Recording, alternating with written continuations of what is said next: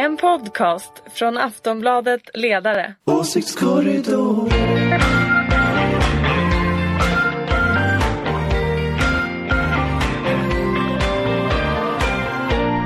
Hej och välkomna tillbaka till ett nytt avsnitt av Åsiktskorridoren, podden från Aftonbladets ledarredaktion.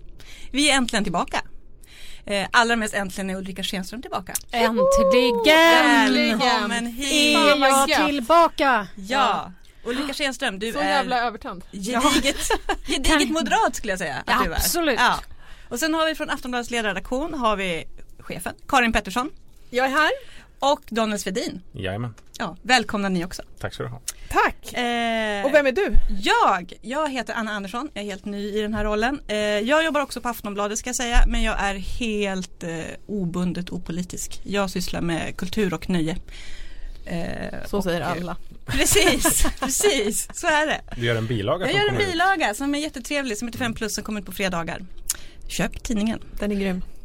det är det faktiskt. Eh, och jag ska också säga att det är torsdagen den 7 december när vi spelar in det här. Mm. Så folk vet det. Vi tar inte ansvar för vad som händer fram till det här kommer ut sen. Ja, efter lunch vet man ju inte. Nej, Nej. precis. Eh, och, och det har ju varit en väldigt tät nyhetsvecka. Men vi ska som vanligt fokusera på svensk inrikespolitik. Eh, den stora händelsen var att SCB kom med sin novembermätning i tisdags. Den mäter, SCB mäter partisympatier två gånger om året i maj och november. Och det är alltid lite extra spännande med just den mätningen. Det var någon som sa att det var partisympatiundersökningarnas Rolls Royce. Ja, men jag är så trött på det där. Ursäkta mig att jag snyter samtidigt. Men SCB dryg. liksom. Jag menar SCB har haft fel två val, val i rad. Inför 2010 så var man helt säkra på att S skulle vinna och sådär. Och, I Så- maj. Ja, i jo men det är ju maj. långt mellan maj jo, och jo, september. Jo, men den Ja. är inte, den, är, den eftersläpar dessutom. Så att jag, jag måste ändå säga så här, det här Men har vi säg diskuterat. du då, säg du hur opinionen ligger. Ja, men jag tror, jag tror så här. Om du har en bättre metod. Nej men alltså jag tror inte riktigt, nej men alltså jag tror inte att SCB är bättre än någon annan och det är därför det blir så löjligt. Jag har själv suttit helt hysteriskt på partiledningar fem minuter i tio liksom. Hysteriskt printandes ut hela rapporten och slängt mig över skillnaden mellan Stockholms stad och län för Moderaterna och kolla nationellt och hur pilarna går och inte pilarna går. Jag vet, det är jättestort för oss nördar men jag tror inte att den visar någonting bättre än någon Okej, annan. men kan du tycka att det är någonting intressant med den här mätningen? Ja, Okej, du tänker så. Ja, men jag tror nog i och för sig att Miljöpartiet, KD och Liberalerna, de ligger ungefär där. Jag tror att Miljöpartiet faktiskt ligger lite högre än vad de ligger i den här Vad mätningen. får du tro det? Ja, för att jag tror att den är eftersläpad och jag tror inte att folk Det har vänt för en. det har vänt lite. Mm, tror jag faktiskt. Eh, KD tror jag tyvärr ligger där de ligger. Jag tror att Moderaterna har gått upp tyvärr på grund av att man har kanske blivit av med något som folk har sett det som och då menar jag inte Anna Kinberg Batra eller? Vad Ja men du? alltså jag, Mätningar visar ju att när hon av, säger att hon ska sluta så vänder opinionen. Mm. Så att nu är det otroligt viktigt för Ulf Kristersson att verkligen visa förmåga att kunna leverera politik. Nu är vi där igen. Mm. Reform. Eh, reformer. Reformer. Ja men det är viktigt för att annars så kommer han nog inte kunna segla på den vågen lika enkelt. Så att jag, jag är som vanligt född skeptisk och eh, ifrågasätter rätt mycket. Nej men det är väl en bra hållning i vår tid. och- En hållning Ja den för vår tid. du om ja, Ja, jag men- förstår. Men jag tänker en sak som jag tycker är intressant med den här mätningen om man liksom struntar i det här med tiondelar hit och dit för det håller jag med om. Eh, men om, eh, om man tittar på både den här och man kan titta på sådana Poll och Polls eh, som sammanväger massa olika mätningar.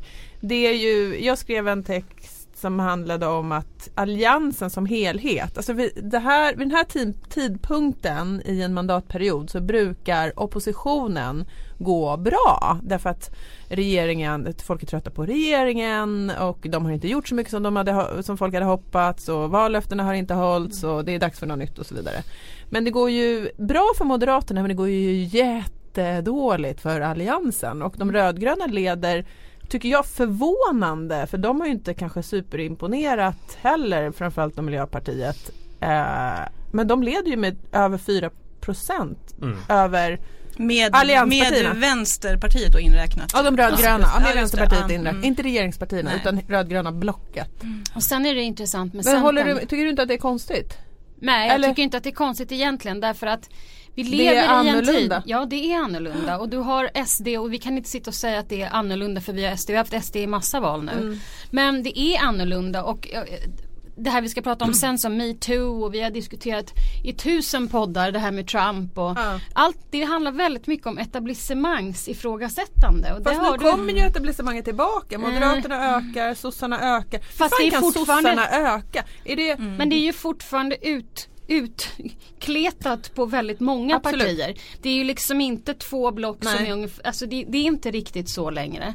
Och jag är ganska säker på att de partier, Vore det inte skönt om Som några partier levererar. åkte ur riksdagen nu? ja men det är, du har ju tre som Jag möjligen gör vet. det. Tänk om tre partier åker ur. Men vad jag skulle säga var lite Centern här bara. Jag ska vara tyst sen men det här med Centern tycker jag är intressant därför att de, de går ju upp enligt den här i pilen men de är ju ändå de, Det här är ju, vi sitter och tittar på en gungar. bild Ja, som vi pekar jämför på mot valresultat. Ja. Ja, Så mot att valresultatet. Jämför man mot, mot majmätningen så minskar ju Centern. Ja, Och och det gungar lite där och sådär och det beror nog på att en del Centerpartister har gått tillbaka till Moderaterna men jag tror att Centerns stora hot för deras framgång så att säga, eller risken de har det är att de har redan gjort sig till det stora partiet mentalt själva. Det stora partiet i De alliansen känner sig inte som en underdog längre. De känner Så vad är vilket, faran i det då? Att de, Nej men all, det är ju alltid faran i att om du, om du sätter dig på för lite för höga hästar och på det hästar, hästar och en egen piedestal. Det var en helt obegriplig ord. Ja var, var kom den ifrån? Jag fattar inte, det lät som jag plötsligt kom från Gotland.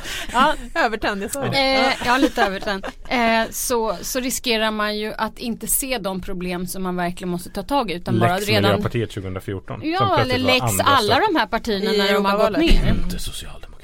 Nej, det är ju märkligt. Jo. Men får jag säga en sak om S som jag tycker, för nu har vi haft de här jävla åren med kulturkrig och vad det nu är och liksom Galtan och Åh gud jag är så trött Jag är så på den här galtan. För det som händer, jag tror ju man måste se eh, Socialdemokraternas uppgång, absolut det här med ordning och reda och sånt där. Men det handlar ju också om att ekonomin går bra. Svensk ekonomi går ju superbra, ungdomsarbetslösheten kom det siffror på nu i veckan, går ner. Eh, till och med skolresultaten går upp lite grann nu. Alltså det, det finns ändå någon, det är en skön eh, känsla att sak, alltså riktiga saker också på kulturkriget kanske inte är så utbrett som eh, Nej men att sådana saker också fortfarande tro. verkar spela roll. Det handlar Visst. inte bara om så här Hanif Balis Twitterkonto liksom utan det handlar också om hur det går om folk får jobb eller inte. Nej, men det, är som var förödande för etablissemanget var väl någonstans 2015 att det steg en känsla av att etablissemanget och staten inte hade kontroll på situationen. Mm. Det som börjar hända nu är väl att så här, jo men Sverige fungerar faktiskt och människor som i maktpositioner har tagit ansvar och det verkar fungera ganska bra. Det finns mycket som är dåligt eh, med liksom polisen som inte fungerar och sådär. Men, att, Nya Karolinska. ja, Eller nya Karolinska. Men alltså men ändå liksom att, att det är en status quo mm, på det, på det sättet att Sverige som nation eh, igen verkar fungera. Jo men det är ju det som de här partierna alla Mm. har haft det problemet. Mm. Utom Sverigedemokraterna som visserligen inte haft några lösningar Mm. men som har sett punkterat liksom olika problemformuleringar utan lösningar. Visst. Så det vore ju bra och, jag brukar kalla det för det vore ju bra framförallt om Moderaterna och sossarna kunde börja bråka om massa Lindbäck-frågor Mm. och inte massa såna här osannolikt ovidkommande saker för då kommer folk börja rösta på konstiga saker eller inte och rösta alls. Något som är intressant tycker jag är att människor, det har ju funnits en bild av att Miljöpartiet förlorar så fruktansvärt mycket på att de har gått med på en massa överenskommelser med Socialdemokraterna. Eh, vad det gäller migrationen och energipolitiken och lite andra saker. Eh, kolgruvor och sådär. Eh, men att MPs stora väljarrörelser är ju till S. Man förlorar ju inte till liksom det bättre oppositionspartiet, Vänsterpartiet. Utan det kanske är andra. Man tappar ju åt alla håll om jag tittade på SCB. Ja precis men de flesta går väl till Ja. Socialdemokraterna. Mm. Att, så här, det finns ju en bild, en känsla så här, oj oj oj Miljöpartiet, folk är så besvikna så nu kommer Miljöpartisterna att rösta på Vänsterpartiet eller FI. Mm. Men för väldigt, jag tror att det är deras liksom kärnväljare som är kvar här och sen är det andra människor som, att det kanske är andra frågor som gjort att man lämnar Mm. Miljöpartiet än att man eh, har gjort uppgörelser om migrationen. Att vi kanske måste tänka helt om. om Men, men jag tror att Miljöpartiet har haft ett väldigt stort problem. Det, eller egentligen två. Den ena har jag tjatat om. Det är två språkrör. Ja, man kan säga att det är två. Nej, men det var inte riktigt de två språkrören jag tänkte på eh, allra mest. Utan jag tänkte på det som jag kanske har tjatat om här och det är att de inte lärde sig att ta hand om sina borgerliga väljare. Utan att de bara tog, tog, liksom, eh, tog hand om sina vänsterväljare. De tog inte hand om de här som jag brukar kalla för nytorgsmänniskorna. Som, eh, Ja men jag, du vet såna här som sopsorterar med SUV-motorn igång Ja. och du vet sådär. Ja, som kan vara centerpartister nu eller moderater eller de snurrar runt lite där. De lärde sig inte riktigt att ta hand om dem. Eh, och sen också den här grejen att förstå sig på vad regeringsställning är. Vilket är någonting helt annat än att vara opposition och det låter ju klyschigt men jag som har testat båda två grejerna kan säga att det är osannolikt annorlunda. Och bara komma in i regeringskansliet är ju som en helt annan värld som inte ens är en del av resten av det här landet vilket ju också är märkligt. Men nu måste vi också prata lite grann om mitt favoritparti Liberalerna. Ja, jag tänkte säga det. Jag som inte har hängt med lika mycket som Man har ju vant sig vid krispartierna Ja. KD och MP. Men Liberalerna 4,2 procent. Eller hur? Vad hänt? Vad fasen händer? Och jag tycker det som är intressant är ju att det verkar inte finnas eh, någon krisinsikt. Eller jag vet inte, det var ju en ordförandestrid under hösten och Birgitta Olsson utmanade och, det gick jättedåligt för henne och gick väldigt lätt för Björklund verkar det att liksom få bort henne. Och Ja, nu är det som att alla fight. folkpartister eller liberaler eller vad, vad de heter är så här super. De bara, ja ah, men Björklund är bra. Men jag tror att det är så här. Man kan inte byta-. Hur Man många kan inte gånger- igen. Vi kan inte byta igen. Hur många gånger har vi inte suttit och pratat om det här med att det stora problemet för partierna hur de ser ut i opinionen är inte bara politiken utan också hur organisationen mår. Och när man De myglar sönder sig själva, när man my- myglar sönder sig själva Ja. som eh, sossarna gjorde och som liksom fick en Juholt eh, liksom sådär va. Eh, när ingen kunde bli, ni kommer ihåg och sådär. Vi Vi minns ihåg. det väl. Jag, jag först- ja förlåt men ja. Men, men Liberalerna, jag tror att där har det myglat så mycket. Är Så det att så? nu är de nere på 4,2. De som är kvar, de tycker att livet är toppen. Alla De har dragit. fått sina jag positioner. tror att det, ja, jag tror det. Nej, men jag tror att de har ett genuint problem för att Björklund är ju den här ändå batongprofilen. Det har ju varit hans grej hela tiden. Eh, Liksom, eh, Ungar ska ha stryk. Ungar ska ha stryk i skolan och Det är faktiskt Det inte alla jag. som vill gå på gymnasiet eller högskolan eller vad det är. Ja. Och, Hon är inte Västergötland. nej, jag är jättedålig på att imitera. Ja, de där var väldigt Ja, dåliga. Jag vet, men ni fattar vad jag menar. Men, och så har eh, Centerpartiet blivit det här eh, socialliberal, vilket i mina ögon är helt sjukt för att om man tittar på deras arbetsmarknadspolitik så är de inte alls socialliberala, de är stenhårda. Men hon, de har den profilen och Annie Lööf har den profilen att hon är någon slags höger med migrationspolitiken som gör va, Ja, det är man mäts. Är migrationspolitiken. man liberal eller inte, det mäts bara på Ja, migrationspolitiken. det är konstigt. Och sen så så att Björklund han fastnar i ett konstigt, eh, ett konstigt segment nu där han är inte trovärdig som riktig socialliberal. Fast Men det vad, vad kan vi vänta oss från Liberalerna? Vad kommer de att göra nu Ja, Är det inte. integrationen? De brukar ju ta till, komma med integrationsförslag. Ja men det var därför att du tänker nu på det där språktestet. Ja, Som Lars Leijonborg råkade Men det säga. tror jag är Mm, svårt nej, därför att det, jag. finns, nu finns Moderaterna, nu finns Sverigedemokrater. Det, jag tycker det mer låter på Björklund som att man ska vara så här mot SD och vi står upp för eh, alla människors lika rätt och värde. Alltså han försöker mjuka upp sig Det är väl lite. skolan Men- igen. Ja, skolan igen då Det kanske. tror jag. Fast det går ju ganska, ja. ja. Jag tror att det blir Det svårt. hans, det är hans Jag vet inte förtjänst. Frågan är hur Jag länge han kan sitta kvar egentligen. Nu kan de inte byta ut honom före valet Nej. men kan de inte? Nej alltså Nej. jag tror att de måste välja någon mera um, Vibble-typ alltså. Vibble typ. Ja men liksom sån här du vet. Tror du? Ja. Folk vill ha ordning och reda och Ja, en jag sträng mer- fröken Nej, kanske. Nej, ja, jag nej, jag- tänker mer någon socialliberal. Ja, Jag tror mer en sån här du Kanske någon vet. Väldigt välutbildad eh, eh, fin folkpartist. Förlåt, liberal. Mm. Kanske tänker med du på? akademisk titel. Har du Finns. ett namn eller? Någon som har myglat. Nej men vi kan väl ta lite nästa vecka. Ska Ja, jag... Ah, en, en shortlist. Ja. Twittra gärna in förslag. Ja precis, Hashtag vem ska ta över Liberalerna efter valet Efter får vi anta då. Ja, bra. Ehm, vi kan avrunda med de här tre som ligger i botten då. Vilka är kvar i riksdagen efter nästa val? KD, är de kvar? Jag tror det.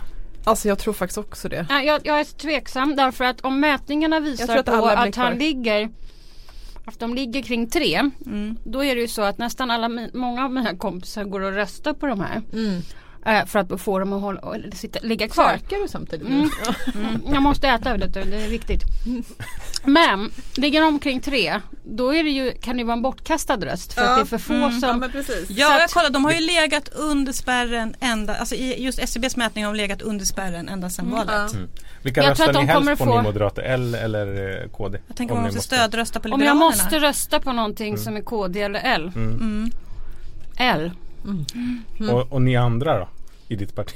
Ni andra i mitt parti, jag vet inte men det är ju jag, jag är Ja. med liksom Ja, Okej, men Ni Miljöpartiet, blir de kvar i riksdagen? Ja. Ja, jag tror också Det tror jag. Jag tror eh, tyvärr att alla tre, jag har trott så många val nu att KD ska åka ur så jag har liksom gett upp. jag har resignerat. Gett upp också.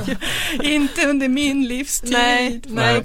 Jag tror, att, jag tror att alla blir kvar. Sen är ju KD ett speciellt parti som de alltid har legat vid ruinens brant på något sätt. Så att alla i det partiet är ju väldigt luttrade. Vana så att slå i den positionen, Vi är liksom. nästan på väg ut Men nu. kanske ändå, de ligger så jäkla lågt nu. Ja, Ja nu är Ja. de på 3 va? 3,1 det är ju en annan sak de har än 3,8. legat där länge också. Alltså, de har inte varit i nära Nej. 4 spärren i SCBs mätning. Ska säga. Så att, ja. Mm. Ska, är, vi, är vi klara Ja. med mätningen? Mm. Vi har inte kan pratat. SD men det kanske vi återkommer till en annan gång. Det går dåligt kan man gissa? Det går dåligt. Det Eller skönt. dåligt dåligt. Nej, vi har De har pratat så mycket om dem jämt. Vi Ja. kan ta dem någon annan gång kanske. Ja, Okej. Eller? Ja. ja men vi kan väl svara. Jag menar, Ja okej, helt Svara. kort. Har, är, är deras, alltså de, har ju, de ligger ju fortfarande på 14,8 procent ska vi säga. De har ökat Men jättemycket sedan valet, får De har ökat sedan valet, de tappade över 4 procentenheter nu va. Eh, Men är jag tror trenden igen- bruten? Ja, trenden är ju bruten. Jag tror igen att det är det här Fokus idag i debatten är inte på de här kulturkrigsfrågorna som ju Nej. SD vill ha. Först, ehm, och det är inte bara migrationsfrågor utan det är annat också. Utan det finns ändå idag andra konflikter i politiken och som sagt att ekonomin går bra. Så att hela deras grundberättelse om att allting är helt svart. Mm. Den här att filmen de ska ha visat på sin eh, stämma. Ja, precis. Den, det blir svårare, ett mycket svårare case när ändå makron ser ut som den gör. Även om liksom man inte ska eh, folks uppfattning om sin egen verklighet lirar inte alltid med så här SCBs siffror heller. Men det blir ett svårare case. Men samtidigt ser du så här, risken, risken är ju att inte varken S eller M tar ansvaret för att verkligen göra eller åtminstone presentera och har nu suttit och gjort riktiga reformförslag på väldigt många områden. Eh, och ja, de inte gjort det och tänker inte göra det utan håller bara på med massa ovidkommande käbbel i etablissemanget. Då finns det ju risk för att folk blir förbannade och går till SD. Något som jag tycker är intressant med SD om man tänker på den där filmen som Anna nämnde som de visade på sin stämma som är verkligen en så här domedagsbeskrivning av Sverige. Eh, med kravaller och allt möjligt och hur dåliga media är. ju att de, det känns som att de är inne i någon sorts radikaliseringsprocess. Ja. Eh, att de Men händer inte med jämna mellanrum i det partiet? Jo, jag det tänker på gör det här när de skulle verka utom, utom Ja, parlamentariskt just under flyktingkrisen och skulle dela ut flygblad i Grekland istället för att Precis. si- Jo, jobba i riksdagen. rätt i. Mm. Men jag undrar om man liksom man cashar in på det lite för tidigt. Alltså, jag tror ju att det där man tror säkert att man har stöd för en liksom, nu tar vi en högergir så det bara smäller om det. Att folket Mm. vill ha det. Men att man kanske tar ut det alldeles för, i förskott. Folk är liksom. inte med, folk är inte där Nej. riktigt. Inte så, Så många i alla fall. Nej precis. Att det inte är det riktigt eh, som kommer locka nya väljare och att det kanske skrämmer bort relativt nya väljare Mm. också. Att så här, oj då vad det blev väldigt dålig stämning här i, Mm. i hur ni pratar om andra människor. Jag vet inte. Ja. Vi får se. Vi får se. Ska vi gå vidare? Ja. Ja, Eh, vi ska prata om eh, de nya etableringsjobben. Man kan gissa att det kommer bli stort i nästa val. Nu måste jag läsa till här. Mm. Det kommer ett förslag från fack och arbetsgivare som de har förhandlat fram tillsammans. Som eh, förutom nyanlända då ska hjälpa långtidsarbetslösa in på arbetsmarknaden. sorry. Det, det går bra. Jag höll på att säga härsket. Gesundheit, men Vi är lite så här i den här podden, det är ingenting att oroa sig över. Att spy. Ja det är lite och vi pratar och Okej, så här. Det här är alltså fack och arbetsgivare kommit överens om. Jobbet är tänkt att ge den anställda en lön på omkring 19 000 i månaden. Arbetsgivaren betalar 8 000 och resten kommer från staten. Eh, de ska ge, alltså jobben ger rätt till a-kassa, sjukpenning och man ska kunna kvalificera sig för permanenta uppehållstillstånd med hjälp av de här jobben. Eh, men Alliansen har redan dömt ut det här förslaget, framförallt Annie Lööf. Mm. Eh, hon säger att det blir för dyrt för staten och dessutom omfattas inte småföretag utan kollektivförslag, eh, kollektivavtal förlåt, av det här förslaget. Och nu säger Teknikföretagens förhandlingschef Anders Weje, det är alltså då arbetsgivarsidan, eh, att Alliansen förstår inte vad som gäller på svensk arbetsmarknad. Eh, han sa om Annie Lööf att antingen har man inte brytt sig om att läsa eller så har man inte lyssnat eller så har man inte tvättat öronen. Bra citat. Hur, ja det är ett bra citat. Ja. Hur besvärande är det här för Löv att eh, direktörerna tycker att de ska tvätta öronen? Nej, men alltså jag tycker ju Anders Waje har rätt här. Alltså jag, jag kan inte rå för det. Jag tycker att om parterna har gjort upp så har parterna gjort upp. Sen kan hon ju tycka saker men det låter ju lite sådär. Ja jag vet inte. Men eh, det kan ju vara så att de inte hade någon insyn i förhandlingarna eller någonting sånt där. Det finns ju alltid massa konstiga orsaker till varför folk gör konstiga uttalanden som inte riktigt hänger ihop. Det känns ju som att Alliansen har ju bestämt sig för att köra på sin modell. De har ju en egen liksom, någon sorts eh, låglönelag som de ska driva igenom. Eh, att de har bestämt att det ska bli en tydlig valfråga. Det är, vi har en massa nyanlända människor som måste in i arbete. Eh, och så har man till slut när eh, Alliansen som partikoalition hade liksom dragit isär i synen på SD så kunde man ändå komma ihop sig om att så här, vi vill ha eh, lönesänkningar för att få in och skapa nya jobb och att folk ska städa hemma hos mig och sådär.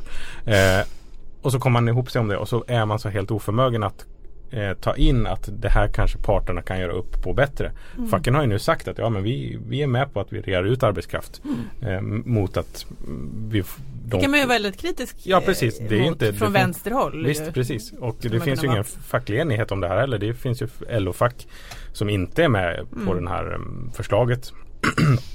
Och från arbetsgivarsidan finns det ju viss skepsis också. Men att man i Alliansen har kommit överens om att det här är våran fråga, det ska vi driva och det kommer bli en stor valfråga. Eh, så vi kommer inte släppa det utan vi dömer ut det här utan att liksom läsa detaljerna. Och eh, nej men det finns ju någon riktning i det här att Tired of ads barging into your favorite news podcasts? Good news. Ad-free listening is available on Amazon Music for all the music plus top podcasts included with your Prime membership. Stay up to date on everything newsworthy by downloading the Amazon Music app for free or go to amazon.com slash news ad free. That's amazon.com slash news ad free to catch up on the latest episodes without the ads. Ehm, Ja, i den svenska modellen så säger man ju att det är fack och arbetsgivare som gör upp om löner och avtal. Men det finns ju en, en rörelse i eh, svensk politik nu att man lägger sig i väldigt mycket i lönebildning och Men jag tror att det är som du säger, man är så jäkla sugen på den här konflikten. Mm. Så att det går före och det, menar, det är ju det är ju alltid den här eh, konflikten och den kanske blir tydligare och tydligare den här tiden vi lever i på något sätt. Att det är eh, det är liksom det politiska spelet eller det är de hårda, eh, hårda man har bestämt sig för att eh, vi vill driva den här linjen kosta vad det kosta vill. Men det blir ju lätt absurt när till och med då arbetsgivarsidan säger vi har gjort upp, vi har suttit och vi har förhandlat. Hela den svenska modellen på arbetsmarknaden bygger på den här typen av kompromisser. Det gör Sverige helt unikt, bra på massa olika sätt hur man än mäter. Och så ska då Annie Lööf komma och säga till de här direktörerna, nej det är det här, eller de här företags, företagen, nej ni vill inte ha det här, ni vill ha någonting annat. Det blir, jag tycker det blir lar, superlarvigt. Vad kommer att hända då? Nej men nu ska ju parterna prata med Mm. Det är regeringen. destruktivt tycker jag. Parterna ska ju prata med regeringen imorgon och regeringen genom Ylva Johansson har ju sagt att man är med på det här så jag antar att det kommer bli eh, så här. Eh, sen får man ju se efter valet. Annie Lööf kunde ju inte utesluta hur man, eller det var Elisabeth Svantesson från Moderaterna när hon blev intervjuad i Dagens Industri kunde ju inte säga om man skulle ändra den om man fick sitta vid makten då. Men det man, tror jag inte ändå. Nej, Jag tror det. det, det känns ju svårt. Men man har ju i och med det förslag som Alliansen har som är också ett ingrepp i kollektivavtalen. Ja. Att man med lagstiftning då ska sänka lönerna. Eh, men det man tror jag ska komma ihåg är att den här uppgörelsen är ju gjord under liksom trycket från Alliansen. Att man har ju så här, det har funnits liksom ett politiskt Som tryck ett på hot? Liksom. Ja men så här, vi kommer lagstifta om ni från parterna Mm. inte tar ansvar för det här har ju Alliansen sagt. Och så gör parterna någonting. Och så duger inte det ändå. Eh, och att, ja nu pratar jag väldigt länge här. Men att Annie Lööf, att Annie Lööf då pr- säger att det är så dåligt för att det inte omfattar företag utan kollektivavtal. Då har man ju verkligen inte fattat någonting. Det här är ett kollektivavtal. Mm. Det är ju liksom det som är att arbetsgivarna och facken kan sluta ett avtal. Men hur många dagar sedan var det nu som eh, det här kom från Det- eh, teknikföretagen? Det var ju nu i veckan. Det var ju nu i säger veckan. Ja men det måste ha varit i början av veckan Ja. för det har Ja. inte fortsatt. Den diskussionen sådär jättehög Nej. hög nivå på den. Nej, Så att eh, Ja. det kan ju vara så att eh, man, Man backar att bort det lite. är lite passé nu de så att säga. opinionsbildande enheterna i, borta på, i, på Östermalm har tagit, ner lite. tagit itu med Storgatan. Ja, så heter det. Nej men sen är ju frågan vad det får för effekt eh, och om det räcker såklart och om det här är en viktig del av svaret på hur man ska få in eh, nyanlända i jobb och hur man ska lösa de riktiga problemen. Det är ju det kan man ju inte veta. Nej, Nej det, det här kommer ju vara en stor valfråga ändå Mm. såklart. Och Mm. jag, jag tror att det, man gör det Du menar alltså själva frågan? Ja, men så här, problemen på svenska sysselsätt- Sysselsättning, nyanlända, långtidsarbetslösa. Ja. Och att där från vänsterns sida så är det såklart att det är ju, det är ju hederligt på något sätt att säga så här, ja men det där får parterna lösa för det är så det fungerar. Men det, det måste finnas andra saker vi till vänster borde kunna säga så att så här borde vi kunna göra. Su- Subventionera jobb till Mm. exempel. Eh, Det här är ju subventionerade. Jo men precis, att man inte går in i avtalen och Nej. ändrar där. Och att man inte Ja, ni vet ju att jag är ny moderat så att jag har ingenting att Du älskar kollektivavtal. jag älskar kollektivavtal. Och LAS. Svart trohet. Ja. Ja. Om någon på Storgatan har släppt det så kanske vi också ska göra det nu. Jag tycker vi släpper det här nu. Ja. Ja. Okej, Vi går över till nästa ämne som är eh, höstens hetaste, kanske faktiskt årets hetaste, eh, nämligen metoo. Mm. Som ju har skakat om Aftonbladet. Aftonbladet har skakats om och Sverige har skakats om. Eh, så är det ju. Det här har ju verkligen gått in överallt. Sant. Det handlar ju alltså om eh, hur kvinnor har börjat uppmärksamma trakasserier från män, ofta sexuella. Och det här visar ju inga som helst tecken på avstanna. Det har pågått i två månader nu. Mm. Ehm, jag börjar med att vända faktiskt till den enda mannen i rummet, Daniel. Mm. Eh, vad i metoo Vad har du gjort? jag tänkte faktiskt då, vad, vad vad har? Förklara överraskat dig. Vad har överraskat dig i, det här, i den här rörelsen får man väl kalla det, nästan den internationella folkrörelsen? Ehm, nej men eh, jag tycker att det finns någonting ganska intressant i hur eh, Eller så här ska jag säga. Det är såklart att det överraskar mig liksom vidden av eh, Har man kvinnliga vänner så har man ju hört en hel del och är man liksom Träffar man kvinnor så har man hört en hel del och men alltså vidden av hur eh, livssituationen för kvinnor ser ut tycker jag ändå är ganska häpnadsväckande. Eller det är häpnadsväckande. Och att inse att människor måste leva under de här förhållandena. Som ju är någon liksom lågintensivt ehm, eh, nästan krigssituation eh, på vissa ställen. Och sen tycker jag att det som är intressant i Sverige är också att hur den här diskussionen har breddats. Alltså, först handlar det väldigt mycket om eh, sexuella övergrepp och, och våldtäkter. Men det har också liksom gett, öppnat ögonen tycker jag på ett väldigt positivt sätt hur liksom, eh, maktstrukturer och hierarkier fungerar. Och att det, att det finns, jag såg nu det var några män från politiken som hade skrivit en debattartikel igår. Där de, Micke Damberg och eh, Tobias Billström och några till. Där de sa vi, vi ska ta vårt ansvar för politiken. Att eh, den här typen av där liksom argumentationen är ganska, hade den skrivits för tio år sedan hade den ju dömts ut som ganska radikal feministisk. Alltså det finns en, en förklaringsmodell av hur eh, överordning och underordning mellan män och kvinnor som liksom får liksom presentationen av alla de här vittnesmålen och att alla liksom ställer upp på det gör att man blir mer mottaglig för en förklaringsmodell av hur samhället fungerar som tidigare skulle ha betraktats som ganska extrem. Och det tycker jag är relativt positivt. Eller det är positivt. Relativt. Men det ju, och jag tycker att det är väldigt bra att det antagligen kommer att på lång sikt ehm, skaka om vissa strukturer som har funnits som, som är ganska outtalade. Bara det inte blir liksom något sånt här du vet som folk skriver i eller företag eller organisationer eller så skriver sina årsredovisningar du vet så här. Och vi har Del av vår värdegrund. värdegrunden och miljömedvetande och sådana där saker. Det, det, det räcker liksom inte utan det handlar liksom om att tänka sig för lite grann. Sen tror jag att vissa arbetsplatser som kanske politik och andra där är det gränsen mellan privat och arbete är så himla liten. Alltså man, det är väldigt svårt. Det, det, liksom, det vävs samman och det tror jag väldigt många arbetsplatser idag gör för folk jobbar hemma. Man vet liksom inte. Och det är klart att det är klart att man måste få ragga på någon men det är ganska dumt att göra det på jobbet och framförallt i en maktsituation. Mm. Eh, när man är liksom chef och börjar liksom ragga. Mm. Sen om den här personen går ut på dansställe eller på krogen och börjar ragga. Det, det är fullkomligt normalt. Det är det att jag tror att folk inte har riktigt fattat det här. Att liksom, man gör inte det på jobbet. Men Ja, det är vi har ju kunnat bilda Sen är par det, ja, genom men alla sen är det tider. ju att- väldigt stor skillnad mellan att flirta ragga och gå längre och liksom våldföra sig på människor och sånt där. Och jag, och jag, jag har ju sett under årens lopp eh, väldigt mycket av sådana här saker och det är faktiskt en skillnad. Man kan inte alltid gå omkring och känna sig kränkt för att en man har flörtat med en. Det får man ju faktiskt säga.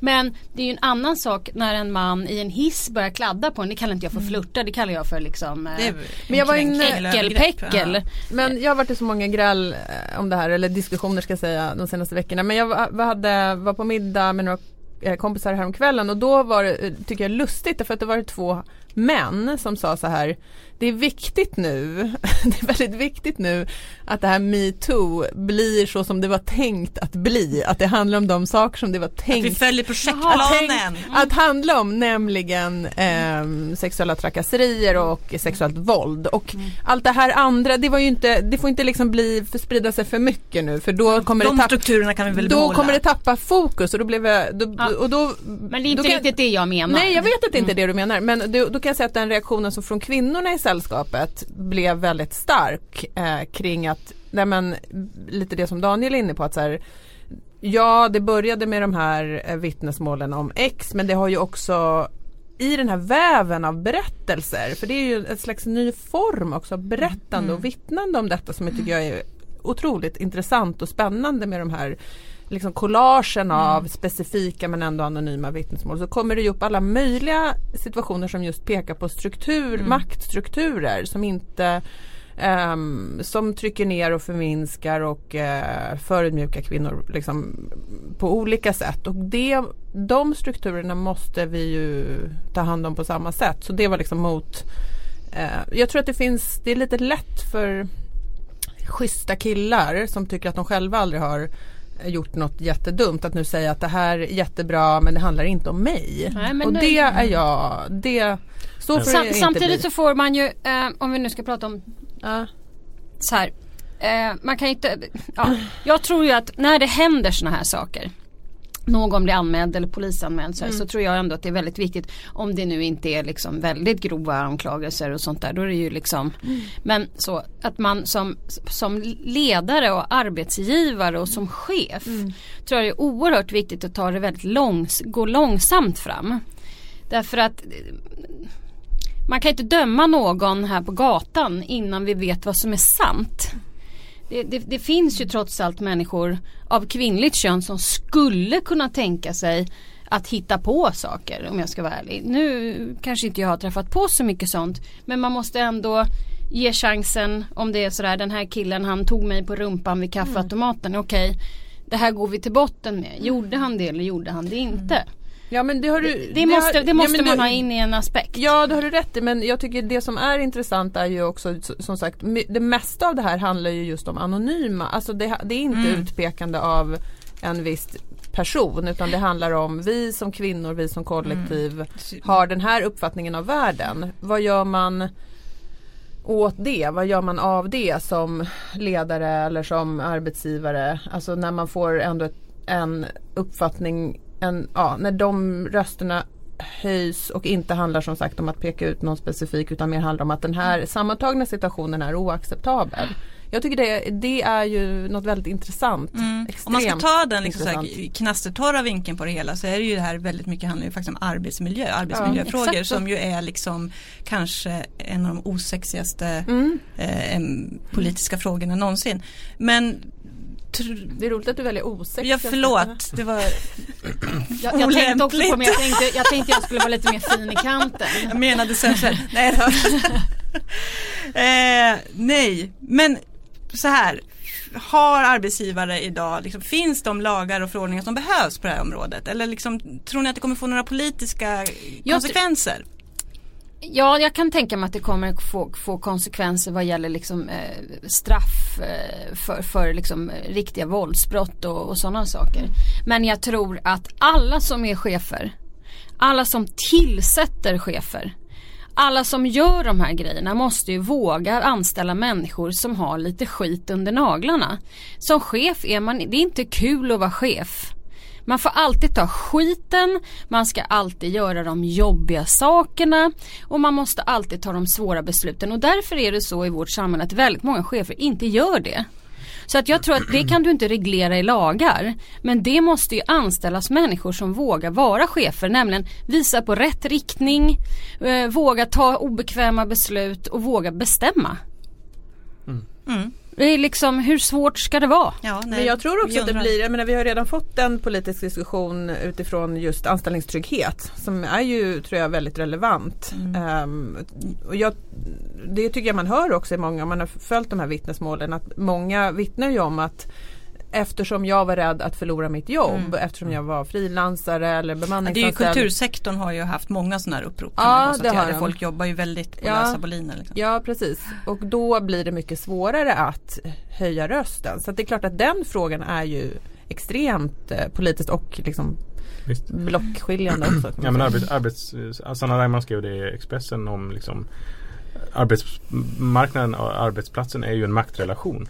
Eh, och att hon hade en, liksom, liten självkritik mot högern att vi kanske inte har sett det. Eller liksom inte velat se att det är på det sättet.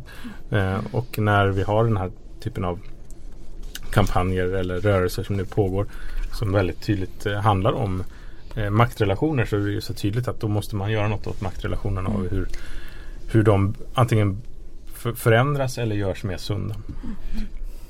Ja, Vi låter mannen Men den, här, men, men, men den här frågan kommer definitivt, vi kommer prata om den så många Ja, gånger till. ja. Och jag tror definitivt att den kommer vara stor i valrörelsen. Allt det här liksom som kommer underifrån, det har ett annat grepp idag än Visst. vad det bara hade för fem år sedan. absolut. Och sagt, det har ju verkligen inte stannat av för fem öre. Det kommer ju nya upprop. Jag vet inte hur många hashtags vi har sett nu.